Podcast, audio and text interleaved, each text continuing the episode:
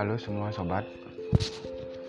Di Indonesia ini ada beberapa pekerjaan yang menurut saya itu tidak perlu ada. Beberapa pekerjaan ini menurut saya itu sebaiknya seharusnya difasilitasi oleh pemerintah. Pekerjaan itu adalah pekerjaan segala jenis pekerjaan. Sekali lagi segala jenis pekerjaan yang menghubungkan antara pemerintah dengan rakyatnya Sekali lagi, pekerjaan yang tidak perlu ada di Indonesia ini adalah segala jenis pekerjaan yang menghubungkan antara pemerintah dengan rakyatnya. Dengan kata lain, pekerjaan-pekerjaan maklar antara pemerintah dengan rakyatnya. Pekerjaan itu tidak perlu ada dan harus difasilitasi oleh negara. Contohnya adalah salah salah dua atau salah tiga contoh yang akan saya beri beberapa saja. Yang pertama itu adalah konsultan pajak dari pemerintah ke rakyat. Ini sebenarnya pekerjaan yang tidak diperlukan, yang harus difasilitasi oleh negara. Negara harus aktif membuat divisi tersendiri untuk mengedukasi pajak dan untuk mengajak dan membantu warga rakyatnya yang sudah merupakan wajib pajak. Jadi, rakyat tidak perlu membayar biaya tambahan untuk urusan pajak, untuk urusan yang negara perlu. Negara memerlukan pajak, mestinya negara menyediakan maklarnya. Artinya, negara yang membiayai, negara yang memfasilitasi bukan rakyat yang aktif mencari konsultannya. Tapi dalam hal ini konsultan pajak yang dimaksud hanya untuk dalam hal memfasilitasi pajak yang harus dibayar dari rakyat ke negara. Itu pekerjaan atau profesi yang tidak diperlukan di Indonesia. Segala jenis maklar. Yang kedua adalah maklar perizinan maklar perizinan konsultan IMB, konsultan AMDAL, konsultan lingkungan itu tidak perlu ada di Indonesia. Itu merupakan kewajiban dari pemerintah yang seharusnya memfasilitasi rakyatnya. Itu jadi pekerjaan yang menurut saya yang sampai saat ini baru saya temukan yang tidak diperlukan di negara ini adalah pekerjaan maklar dari pemerintah kepada rakyatnya. Pekerjaan penghubung dari pemerintah kepada rakyat yang harusnya disediakan oleh pemerintah, seperti masalah perpajakan, masalah perizinan untuk perusahaan itu tidak perlu. Tidak perlu dan satu lagi masalah pengurusan sertifikat tanah Mestinya pemerintah yang menyediakan itu memfasilitasi warga yang ingin membuat sertifikat tanahnya atau melakukan jual beli. Mestinya disediakan juga oleh pemerintah dan semua jenis pekerjaan tadi itu harusnya difasilitasi oleh pemerintah dan rakyat tidak perlu membayar biaya sepeser pun. Kan itu juga untuk kepentingan negara dan untuk kepentingan rakyat. Pekerjaan Intinya, pekerjaan yang menghubungkan antara pemerintah dan rakyatnya itu tidak perlu ada pihak ketiga, mestinya disediakan oleh pemerintah. Demikian dari saya, semoga Indonesia semakin hebat. Salam.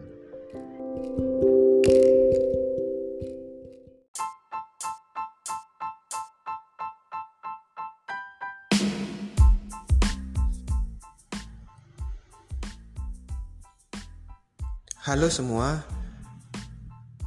Tadi pagi saya membeli sebuah buku yang berjudul Good to Great. Di buku itu menceritakan tentang kisah-kisah sukses beberapa perusahaan yang diteliti oleh penulis yang berhasil membuat perusahaannya dari perusahaan biasa-biasa saja menjadi perusahaan hebat.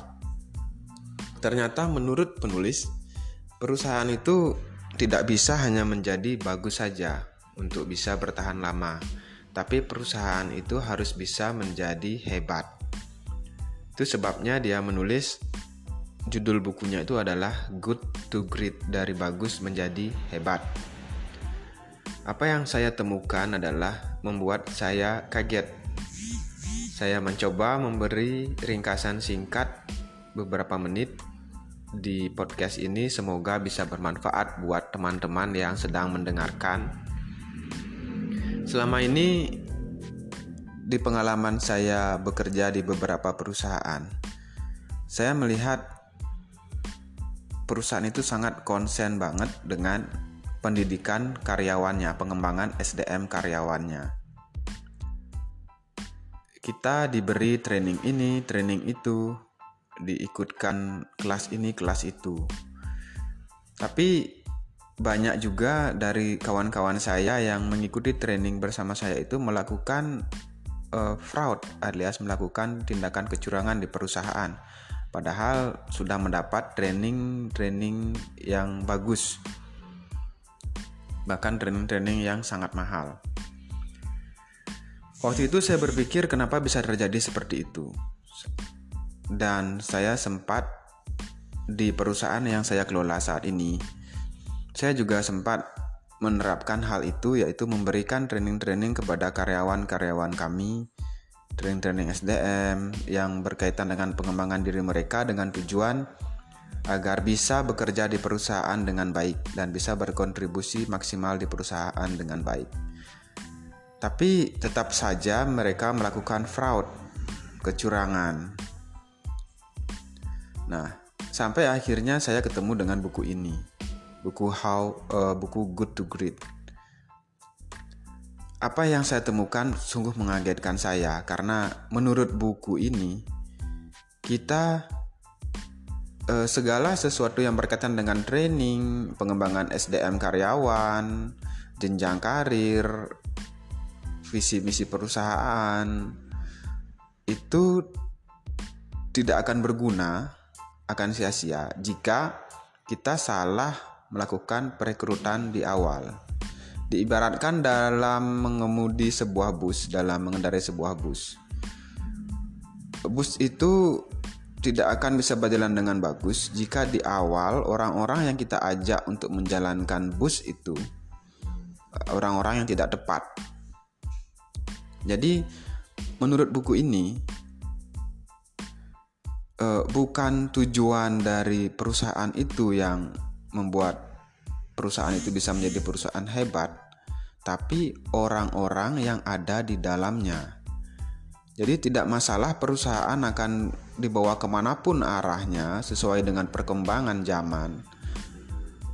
Asalkan orang-orang di dalamnya itu tepat.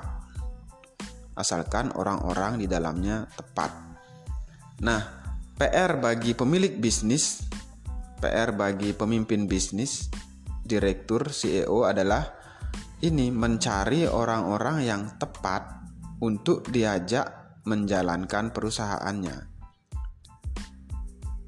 Itu sebenarnya sederhana banget konsep yang ditulis di buku ini yaitu kita harus mencari orang-orang yang tepat di awal untuk menjalankan bisnis kita. Karena menurut buku ini seberapapun bagusnya proses pendidikan kita, proses pengembangan SDM kita jika bibit atau orang yang kita ajak berkendarai, mengendarai bus ini, menjalankan perusahaan kita ini tidak tepat, maka semua pendidikan itu akan sia-sia, semua pengembangan SDM itu akan sia-sia. Ada salah satu contoh yang menarik, yaitu seperti ini. Misalnya nih ada karyawan yang susah banget kita rubah kelakuannya. Lebih baik segera pecat saja, segera pecat. Karena apa? Karena bahkan orang tuanya pun, keluarganya pun tidak bisa merubah orang itu menjadi lebih baik. Apalagi kita di perusahaan yang baru kenal dengan dia. Seperti itu e, contohnya. Jadi tidak akan ada banyak gunanya pendidikan-pendidikan yang kita berikan jika di awal SDM yang kita rekrut tidak tepat. Nah, ini adalah salah satu faktor penting untuk membuat perusahaan dari perusahaan bagus menjadi hebat. Ini adalah salah satunya, yaitu saya simpulkan salah satu cara untuk membuat perusahaan kita menjadi perusahaan yang hebat adalah merekrut orang-orang yang tepat di awal. Baiklah, sekian dulu ringkasan tahap satunya dari buku ini. Semoga saya bisa membuat uh, review tahap 2-nya dari buku ini. Semoga bermanfaat dan ayo kita buat Indonesia menjadi lebih baik. Selamat pagi, salam hormat mendalam kepada semua pemirsa.